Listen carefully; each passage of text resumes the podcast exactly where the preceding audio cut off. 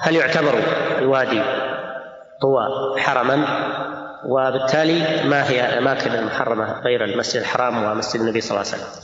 لا يعتبر الوادي المقدس الذي كلم الله منه موسى حرما وليس في الأرض شيء حرما إلا موضعان فقط حرم مكة وحرم المدينة وأما المسجد الأقصى فليس بحرم وكذلك وادي ود في الطائف ليس بحرم فليس هناك حرم إلا حرمان فقط حرم مكة وحرم المدينة.